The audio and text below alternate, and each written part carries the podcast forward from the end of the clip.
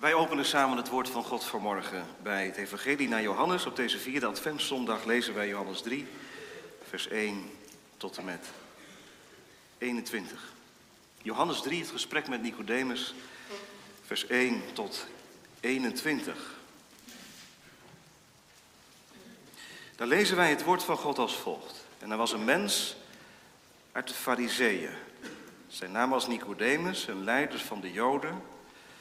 Deze kwam s'nachts naar Jezus en zei tegen hem: Rabbi, wij weten dat u van God gekomen bent als leraar, want niemand kan deze tekenen doen die u doet als God niet met hem is. Jezus antwoordde en zei tegen hem: Voorwaar, voorwaar, ik zeg u, als iemand niet opnieuw geboren wordt, kan hij het koninkrijk van God niet zien. Nicodemus zei tegen hem: Hoe kan een mens geboren worden als hij oud is? Hij kan toch niet voor de tweede keer in de schoot van zijn moeder ingaan en geboren worden? Jezus antwoordde: Voorwaar, voorwaar, ik zeg u, als iemand niet geboren wordt uit water en geest, kan hij het koninkrijk van God niet binnengaan. Wat uit het vlees geboren is, is vlees. En wat uit de geest geboren is, is geest. Verwonder u niet dat ik tegen u gezegd heb: U moet opnieuw geboren worden. De wind waait waarheen hij wil en u hoort zijn geluid, maar u weet niet waar hij vandaan komt en waar hij heen gaat. Zo is het met iedereen die uit de geest geboren is. Nicodemus antwoordde en zei tegen hem: Hoe kunnen deze dingen gebeuren? Jezus antwoordde en zei tegen hem: Bent u de leraar van Israël en weet u deze dingen niet? Voorwaar, voorwaar, ik zeg u, wij spreken over wat wij weten en getuigen van wat wij gezien hebben, en toch neemt u ons getuigenis niet aan. Als ik aardse dingen tegen u zei en u niet gelooft, hoe zult u geloven als ik hemelse dingen tegen u zeg? En niemand is opgevaren naar de hemel dan hij die uit de hemel neergedaald is, namelijk de zoon des mensen die in de hemel is. En zoals Mozes de slang in de woestijn verhoogd heeft, zo moet de zoon des mensen verhoogd worden, opdat ieder die in hem gelooft niet verloren gaat, maar eeuwig leven heeft. Want zo lief heeft God de wereld gehad, dat hij zijn enige geboren zoon gegeven heeft, opdat ieder die in hem gelooft niet verloren gaat, maar eeuwig leven heeft. Want God heeft zijn zoon niet in de wereld gezonden, opdat hij de wereld zou veroordelen, maar opdat de wereld door hem behouden zou worden. Wie in hem gelooft, wordt niet veroordeeld, maar wie niet gelooft, is al veroordeeld. Omdat hij niet geloofd heeft in de naam van de enige geboren zoon van God. En dit is het oordeel, dat het licht in de wereld gekomen is en de mensen hebben de duisternis lief gehad, meer dan het licht, want hun werken waren slecht. Want ieder die kwaad doet, haat het licht en komt niet tot het licht, opdat zijn werken niet ontmaskerd worden. Maar wie de waarheid doet, komt tot het licht, opdat van zijn werken openbaar wordt dat zij in God gedaan zijn. Tot zover de lezing uit de schrift. Leendert en Nelke, waarom is jullie kleine geboren?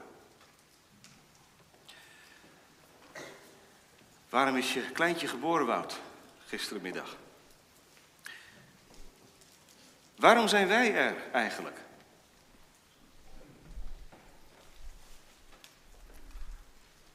Waarom zijn wij gemaakt? Waarom zijn wij geschapen? Omdat God er een onwaarschijnlijke vreugde in heeft om steeds weer nieuwe mensen te scheppen. Dat is één antwoord.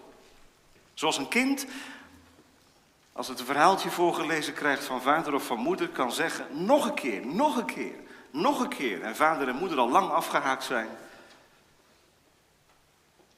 Zo is de eeuwige jeugd van God. Dat hij steeds weer zegt, nog een keer en nog een keer. Bij Leonard en Elke, bij Wout en Bettina, nog een keer. God heeft de vreugde in ongekend toch gemeente, want wij zijn geen godzoekers. Wij zijn godhaters. En toch heeft hij er vreugde in.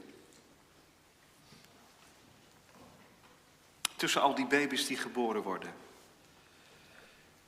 Is er ook een baby geboren? Daar gaat het over in de tekst. Jongens en meisjes, jullie weten het wel hè. Wie is die baby met een hoofdletter? Jezus. In de tekst gaat het over, over Jezus. Ik zal de tekst zo voorlezen. Dit is nog maar even de inleiding. Vers 16. De enige geboren zoon van God. Jezus is geboren tussen al die babytjes, tussen al die mensen. En Johannes, ik kan het wonder niet op, want als hij vers 16 neerschrijft, u moet zich dat zo voorstellen, zo stel ik mij althans voor, dat hij vers 1 tot 15 geschreven heeft en dan, dan, dan wacht hij even, dan houdt hij even zijn, zijn ganzenveer, als het ware, geheven en ja, dan schrijft hij door. Als een soort persoonlijke meditatie, persoonlijke beleving door de Heilige Geest gedreven. Want zo lief heeft God de wereld gehad. Het is eigenlijk een reflectie bij het gesprek tussen Jezus en Nicodemus. Dat loopt tot vers 15 en dan komt de rest. Dat is achteraf geschreven. Dat doet Johannes wel vaker trouwens. Het bekendste voorbeeld is denk ik het gesprek tussen Jezus en Thomas. Als hij dat beschreven heeft, dan concludeert hij achteraf ook zalig degene die niet zien en toch geloven. Dat is ook zo'n persoonlijke ontboezeming, persoonlijke reflectie van Johannes. Nou, hier ook. En die tekst, vers 16, die zo bekende tekst, het evangelie in een notendop, daar gaat het vanmorgen over. Graveer deze letters in je hart. Moeders, schrijf hem op de deur van je koelkast. Zodat je iedere morgen als je naar beneden loopt, het ziet en je kinderen het zien. Want zo lief heeft God de wereld gehad. Kinderen, leren hem uit je hoofd. Nou, misschien moet ik dat niet zeggen, want jullie leren al zoveel uit je hoofd deze week. Voor de kerstdagen. Maar misschien ken je hem al wel. Johannes 3, vers 16. Zo lief heeft God de wereld gehad. Het volgt op het gesprek met Nicodemus, die nieuwsgierige man die in de nacht naar Jezus kwam, kwam. En het allemaal zo goed wist, dacht hij. Wij weten, zo begon hij. Maar hij komt erachter dat hij niets weet. Wij weten dat u van God gekomen bent. Nicodemus, nieuwsgierig. Hoe zit het met die Jezus? Maar Jezus geeft het gesprek een wending. Ik laat het verder rusten om in te zoomen op die tekst van vanmorgen. Hij geeft het gesprek een wending. Nicodemus, jij moet opnieuw geboren worden. En hoe gaat dat? Hoe werkt dat? Hoe kun je nou opnieuw geboren worden? Hoe kun je nou nieuw leven ontvangen? Door het geloof. Nooit uit elkaar halen, gemeente. Anders krijg je wedergeboorte theologie. Of wedergeboorteprediking. Wedergeboorte en geloof horen bij elkaar. Jezus laat het zien in Johannes 3. Ze horen bij elkaar door het geloof. Dat is de weg waardoor mensen opnieuw geboren worden. En laat vers 16 vanmorgen zo in ons midden tot bloei komen, tot opening komen. De God die in zijn hart laat kijken met dit vers. Boven de preek staat geschreven, o liefde Gods, oneindig groot. O liefde Gods, oneindig groot. Vier punten. Ze zijn wat korter dan normaal dus. Het eerste, concreet. Het gaat hier over concrete liefde van God. Want we lezen dat God zijn zoon gegeven heeft. In de tweede plaats, totaal. En dan letten we vooral op het woordje zo, want dat betekent twee dingen. Zo lief, zo diep en op deze manier. Vervolgens onbegrensd. Hij heeft de wereld lief gehad, waar Daniel bij hoort. En waar ik bij hoor en waar u bij hoort. En tot slot, aanstekelijk. Dat is het slot van het vers. Opdat ieder die in hem gelooft niet verloren gaat. Dus o liefde Gods, oneindig groot. Dat is concrete liefde, totale liefde, onbegrensde liefde aanstekelijke liefde. Allereerst, concrete liefde. God, zegt Johannes, schrijft Johannes, heeft zijn zoon gegeven. Dat is geen mooi praatje, gemeente. dat kunnen wij nog wel eens doen. Of wij kunnen veinzen dat wij lief hebben. Dan schrijven wij een kaartje met lieve woorden. Maar daar blijft het dan bij. Of wij beloven iets, maar we doen het niet. dat zijn allemaal schimmen van liefde. Maar Johannes zegt, God, God geeft. Dat is gevende liefde. Dat is concreet, het is geen retorisch verhaal. Geen stemming van God, God is liefde. Maar een God die zijn hart opent en zijn zoon geeft. God wordt vlees en bloed in de zending van Jezus. Je kunt misschien wel voorstellen dat de geschiedenis van Abraham op de achtergrond mee resoneert. Dat komt door dat woordje enig geboren. Enig geboren zoon. God had maar één zoon. Johannes schrijft het erbij. Niet omdat het overbodig is, maar omdat het zinvol is. Want hierdoor moeten wij denken aan Abrahams kind. Ik weet wel dat Abraham meer kinderen had. Maar in het Nieuwe Testament wordt Abraham de vader van dat ene kind genoemd. Isaac. En denk eens even met mij mee, kinderen. Abraham, Isaac, wat moest Abraham doen? Abraham moest zijn enige geboren zoon offeren. Weggeven. Aan de dood. Deed hij het? Ja, hij deed het. Nee, zeg jij, hij deed het niet. Maar hij deed het toch. Hij had het mes al geheven om zijn zoon te offeren, te slachten. Maar God zei, stop, niet doen, doe je zoon geen kwaad. Want er is een ander, een dier, wat in de plaats van Isaac zal sterven.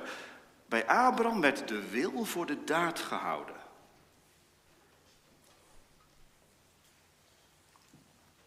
Nou, die geschiedenis op de achtergrond resoneert mee en dan lezen wij hier en wij staan er volgende week bij stil. God heeft zijn zoon gegeven. Hij heeft niet de bereidwilligheid getoond. Dat zou al heel wat zijn. Hij heeft niet toegezegd om zijn zoon te geven. Johannes zegt, hij heeft hem gegeven.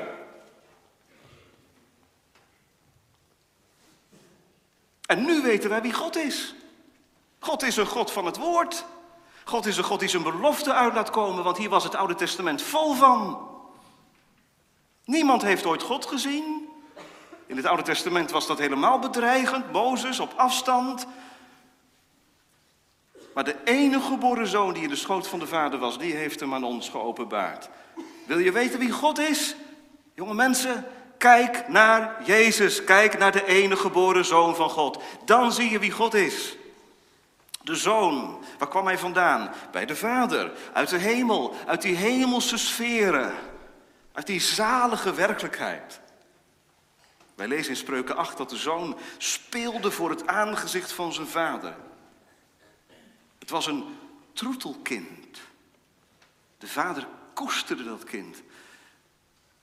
Nou, Leendert, ik hoef je niet te vertellen wat troetelen is, hè? Vertroetelen. Je kind aan je hart drukken. Kun je niet vaak genoeg doen. De vader deed het. Hij vertroetelde zijn zoon. Ik zeg het maar zoals de Bijbel het zegt. En dat schootkind gaf hij. Paulus zal laten zeggen, die ook zijn eigen zoon niet heeft gespaard. En dat woordje gespaard, daar zit ja, daar zit eigenlijk al, al de sfeer van het lijden in. Hè? Hij heeft zijn zoon niet gespaard. Het lijden ging de zoon niet voorbij. God heeft zijn zoon overgegeven aan de wereld. Ik vang de zoon op met de speerpunten van mijn ongeloof. En God geeft zijn zoon weg. Niet omdat er een wereld staat te springen om Jezus, maar omdat de wereld hem zo nodig heeft, maar niet ziet dat ze hem nodig heeft. Daarom geeft God zijn zoon. Wij staan in deze tijd in de rij voor gratis producten. Het is crisistijd en alles helpt mee. Maar voor de zoon, jonge mensen, was geen rij. Geen drukte van belang. Nu nog niet hoor. Het is allemaal heel marginaal, heel Heel klein. Moet eens kijken. Apeldoorn, 160.000 inwoners. Nederland, 18 miljard. Hoeveel mensen zijn er die de Heer Jezus hartelijk lief hebben? Kijk eens op het wereldniveau. God geeft zijn zoon aan de wereld terwijl hij weet dat de meerderheid walgt van Jezus. Hij geeft hem. Ik heb wel eens gelezen van een arts die naar een gebied ging, ver bij ons vandaan, om daar te werken onder doodzieke mensen. Hij nam een groot risico, want er ging je besmettelijke ziekte rond. En als je daardoor aangestoken werd, dan kon je het wel vergeten. Wat dreef die arts om toch te gaan naar dat besmettelijke land? Dat was een drive. Het was een bewogenheid. Hij gaf zichzelf. Hij deed dat niet om er beter van te worden of om geld alleen maar te verdienen. Hij gaf zichzelf. Daarom deed hij het. God geeft zijn zoon. Concreet. In de tweede plaats. Totaal. En ik heb u verteld, dan gaan we letten op het woordje zo. Dat betekent die twee dingen. Zo lief heeft God de wereld gehad. Daarin klinkt door, allereerst, de unieke manier waarop God de wereld lief heeft. Namelijk door zijn zoon te geven. Dat is een unieke manier van liefhebben. Want daarmee treft God zichzelf in het hart. Daarmee doet God zichzelf geweld aan. Daarmee doet God zichzelf pijn aan. Er zijn verhalen bekend hè, van, van uh, oorlogen dat, dat een vader en een moeder een van hun kinderen moest afstaan om het zelf beter te hebben. Ja, dat is iets wat je niet kunt als ouders. Want wie van je kinderen zou je moeten kiezen om om over te geven aan de vijand, om dan zelf als gezin gespaard te blijven. Maar God gaf zijn kind, zijn baby, zijn zoon. Niet omdat hij gedwongen was hoor.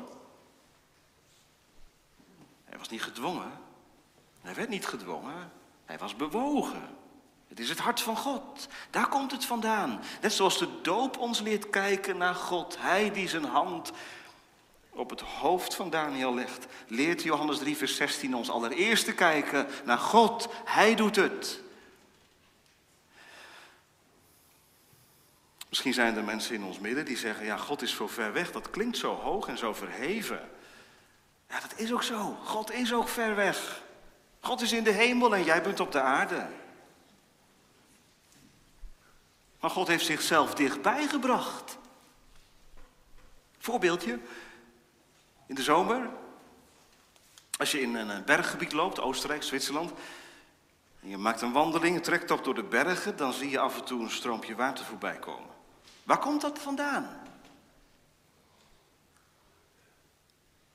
Dat komt van heel hoog en van heel ver. De bron is meestal niet eens te zien, te vinden. En net zoals onze rivier de Rijn ergens ontspringt in de bergen. En wij hier in Nederland maken er handig gebruik van.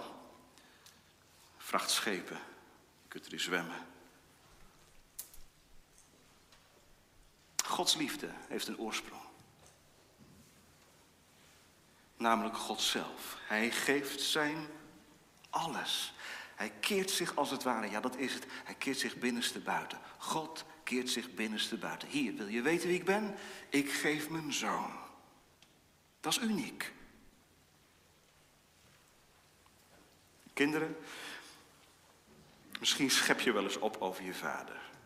Dan zeg je tegen je vriendjes op school: Mijn vader is zo sterk.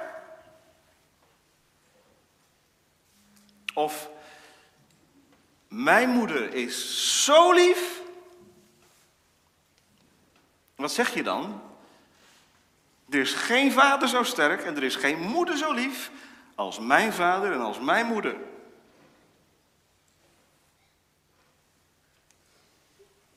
Nou, God zegt vanmorgen tegen jou en tegen mij: God heeft de wereld zo lief dat hij Jezus, zijn enige geboren zoon, overgegeven heeft. En nu staan we even stil bij het tweede, de tweede betekenis van het woordje zo. Dat betekent zo diep. De eerste was op deze wijze. De tweede, zozeer, zo diep, zo intens. God stond zijn zoon af. Ze deelden in elkaars gemeenschap. Ze verheugden zich in elkaar. God geeft zijn zoon. Eigenlijk zou je het hele evangelie van Johannes moeten lezen onder deze koepel van vers 16. Als we straks lezen dat Jezus terechtgesteld wordt en tussen misdadigers wordt gekruisigd, gemarteld wordt, de meest wrede dood ondergaat. Dat is allemaal omdat vers 16 waar is. Van kribbe tot kruis. Valt onder de koepel van vers 16. God heeft de wereld zo diep, zo zeer lief. Elke voetstap die Jezus op deze aarde heeft gezet.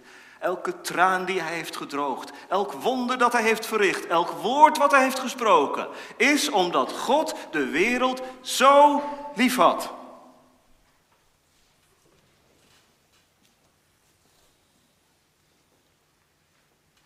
Paulus zal laten zeggen over deze liefde. De lengte, de breedte, de diepte, de hoogte, het is niet voor te stellen. Je raakt er niet op uitgekeken.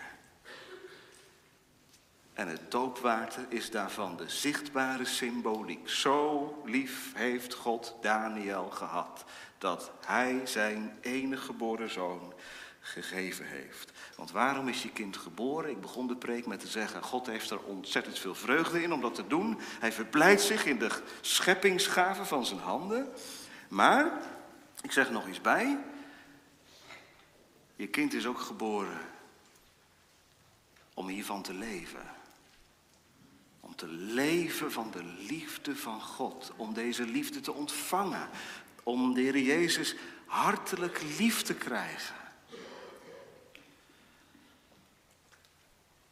God heeft het behaagd liefde te investeren in zijn zoon.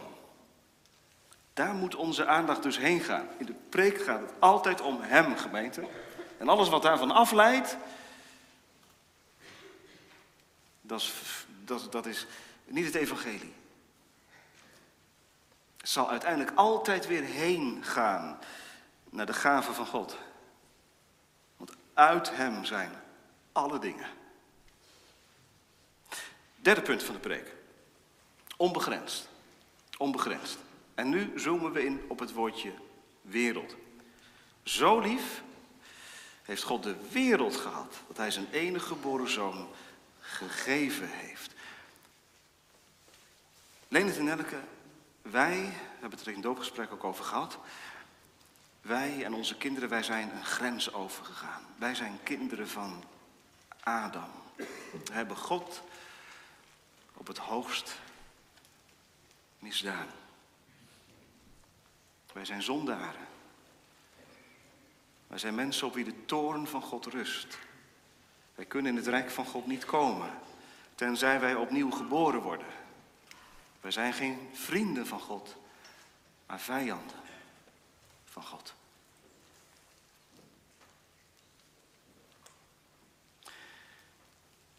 En nu lees ik in mijn Bijbel. God heeft die wereld lief gehad. Het gaat hier dus niet over insiders, over een exclusieve club mensen die het wel ziet zitten met de Heer Jezus.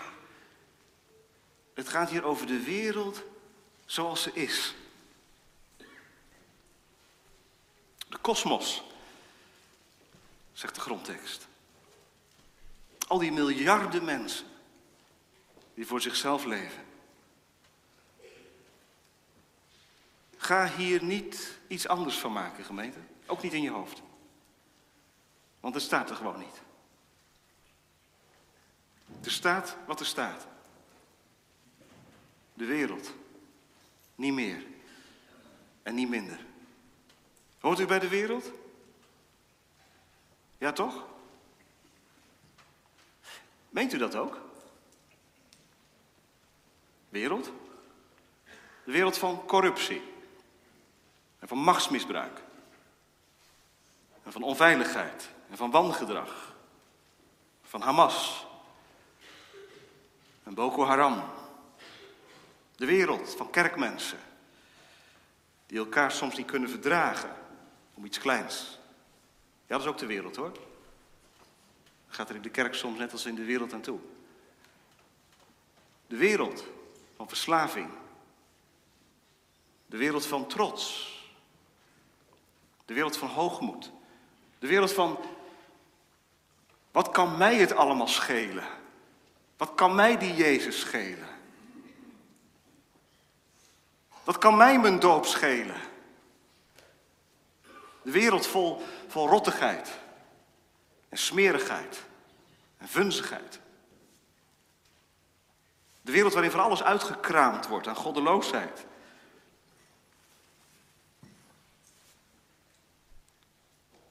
De doortrapte wereld. De arglistige wereld. Ja, dat woordje wereld, dat klinkt zo lekker massief, hè? En weet je wat wij dan stiekem denken? De wereld is buiten de Victorkerk. Maar de wereld zit in de Victorkerk. 600 mensen, 700 mensen, wereld, allemaal wereld. De dominee op de preekstoel en de ouderlingen in hun zwarte pak. En jullie, jullie zijn wereld. Een wereld die doordraait. Een wereld die na zondag overgaat tot de orde van de dag. Een wereld die alle banden met God verbroken heeft.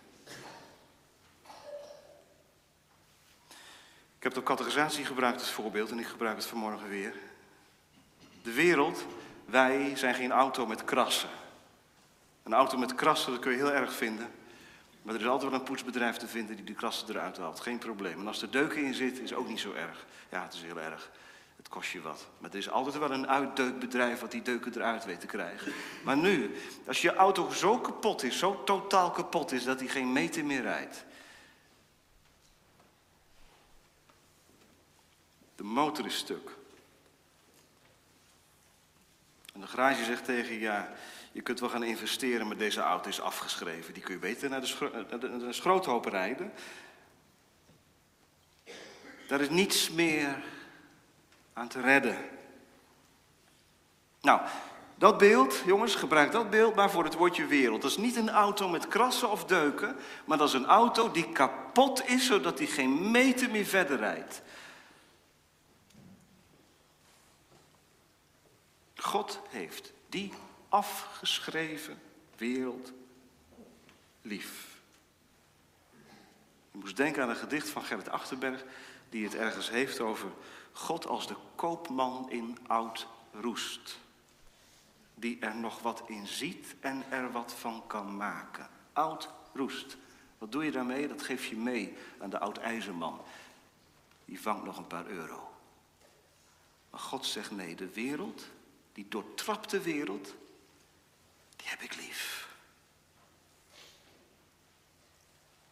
Daniel, alle banden met God verbroken. Dat komt door jou, Leendert. Het komt door je vader en door je opa. En het komt door Adam.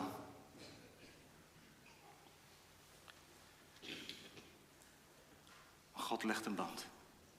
Vanmorgen. Zichtbaar. Daniel, wereld, mijn kind, van mij. Er was eens iemand die vroeg aan een, aan een Christus-sterrenkundige. Die weet natuurlijk alles hè, van, van het heelal, van de grootheid van het heelal. Denkt u nou werkelijk dat God in dat grote heelal aan mij, nietig mens, aandacht zou schenken? Ik maak me sterk of vanmorgen zijn hier in de kerk ook jongeren en ouderen die dat denken. Denkt u nou echt dat de God die het heelal gemaakt heeft, dat hij aan mij denkt vanmorgen?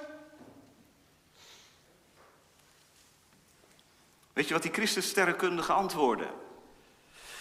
Of God aan u aandacht schenkt, is niet afhankelijk van de grootheid van het heelal, maar van de grootheid van God. Gods grootheid is dat hij aan het allerkleinste niet voorbij gaat. Daniel. Drie weken oud. Gods grootheid is dat hij aan het allerkleinste niet voorbij gaat. Wanneer God de wereld lief heeft, gemeente, heeft hij mij ook lief. Hoort u dat? Vul je naam maar in. Nou, je hoeft hem niet eens in te vullen. God heeft het al gedaan. Wereld. Dat ben jij. God heeft de wereld lief. Als je dat hoort, gemeente, hoef je de moed niet te verliezen vanmorgen. Al ben je de moed misschien helemaal verloren. God gaat het oud roest niet voorbij. Maar blijft erbij stilstaan vanmorgen. En zegt, knoop het in je oren.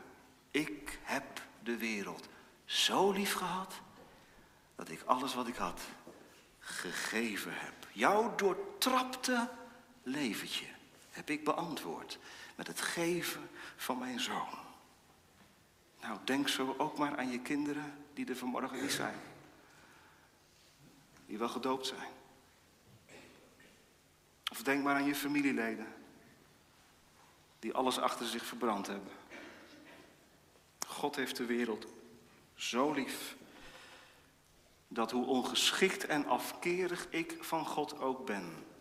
Hij niet nog iets achter de komma zet. De wereld voor zover ze. Nee, de wereld. Zonder voorwaarden.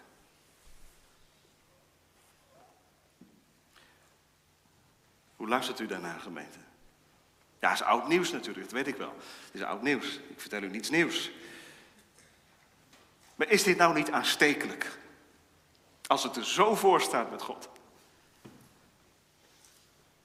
Laatste punt van de preek, aanstekelijk. Dat is het laatste deel van de tekst. Opdat ieder die in hem gelooft niet verloren gaat, maar eeuwig leven heeft. Wij wisselen nog wel eens om, te zeggen ja, ieder die in hem gelooft, die mag ontdekken dat God de wereld zo lief heeft. Maar Johannes zegt, nee, eerst, ik start hiermee. God heeft de wereld zo lief, zodat niemand bij voorbaat kan zeggen, dat gaat niet over mij.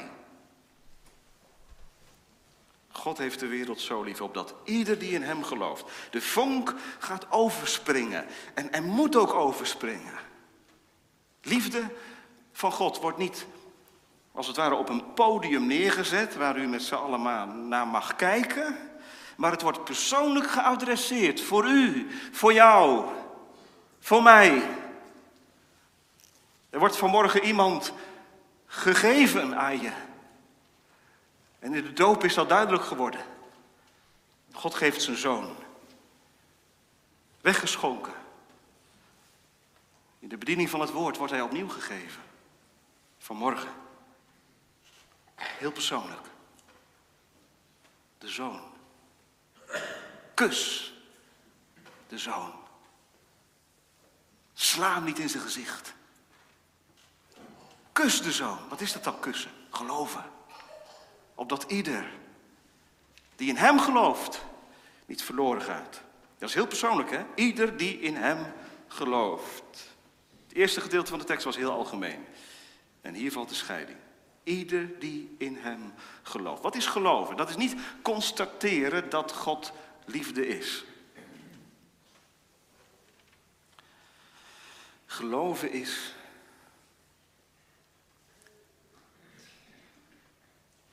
de zoon omhelzen. Maar ik ben zo slecht, zegt iemand. Ieder die in hem gelooft, dat gaat over mensen die beter zijn dan ik. Wacht even, wat stond er ook alweer? Want zo lief heeft God de engelen gehad. Want zo lief heeft God de uitverkoren kerk gehad. Nee, hè? Maak het er dan ook niet van. Wereld. Opdat ieder die in hem gelooft. Nee, dus niet de wereld van je buurman met zijn smart tv, die de hele dag voor de tv hangt.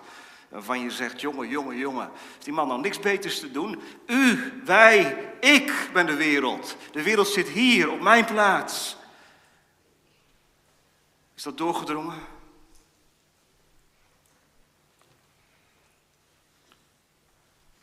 Geloven, dan onderschrijf ik dat ik wereld ben. En echt niets beter ben dan mijn buurman. Geloven. Dat is Jezus omarmen, omhelzen, te voet vallen, tot hem vluchten. Tot hem komen. Jonge mensen,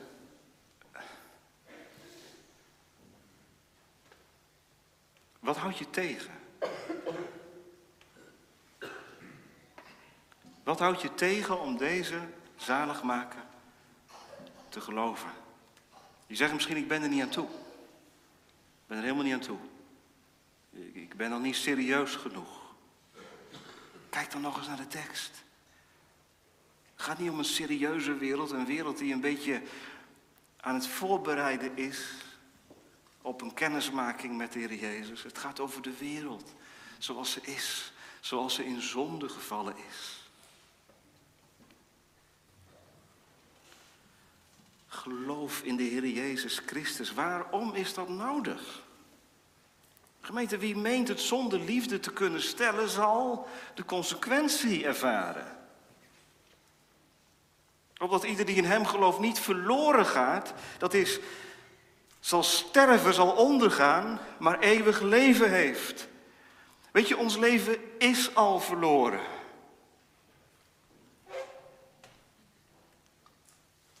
Want wie niet in hem gelooft, die is al veroordeeld.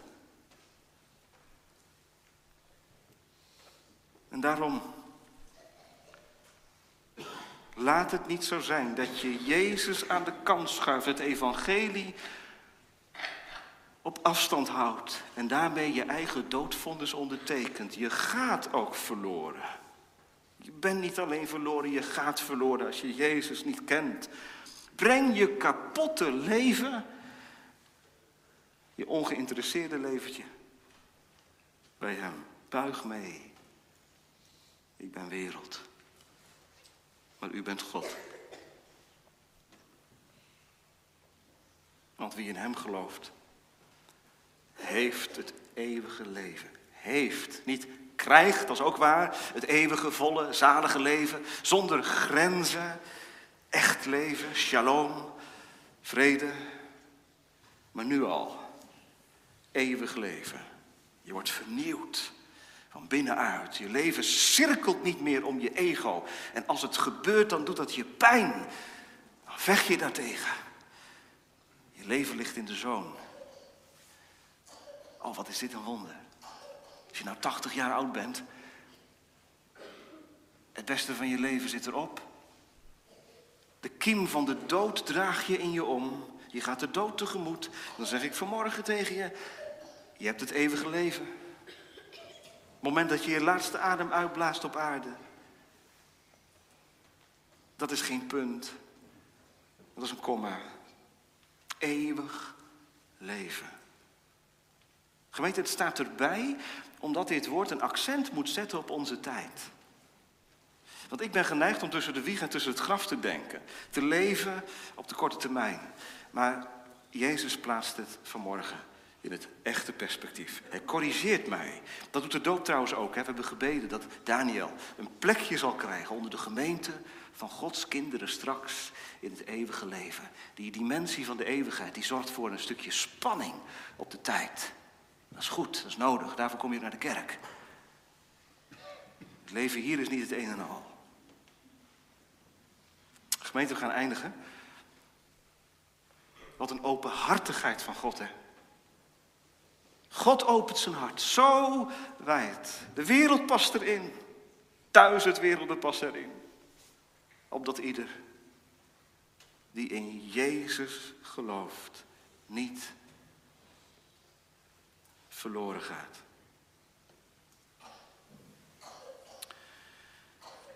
Ik krijg dat logisch allemaal niet op een rij.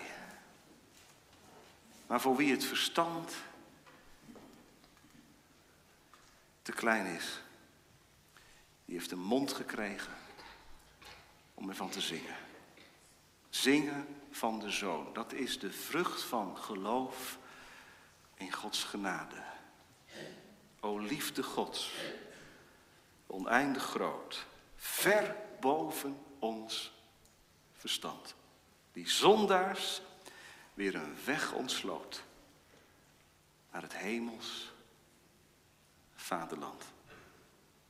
Hoe groot is het goed dat u zult geven aan Daniel, aan de wereld, aan hem, wiens oprechte geest op u betrouwt, u vreest. Zingen, gemeente. Dan zing je de twijfel weg en dan blijft de zoon over. Amen.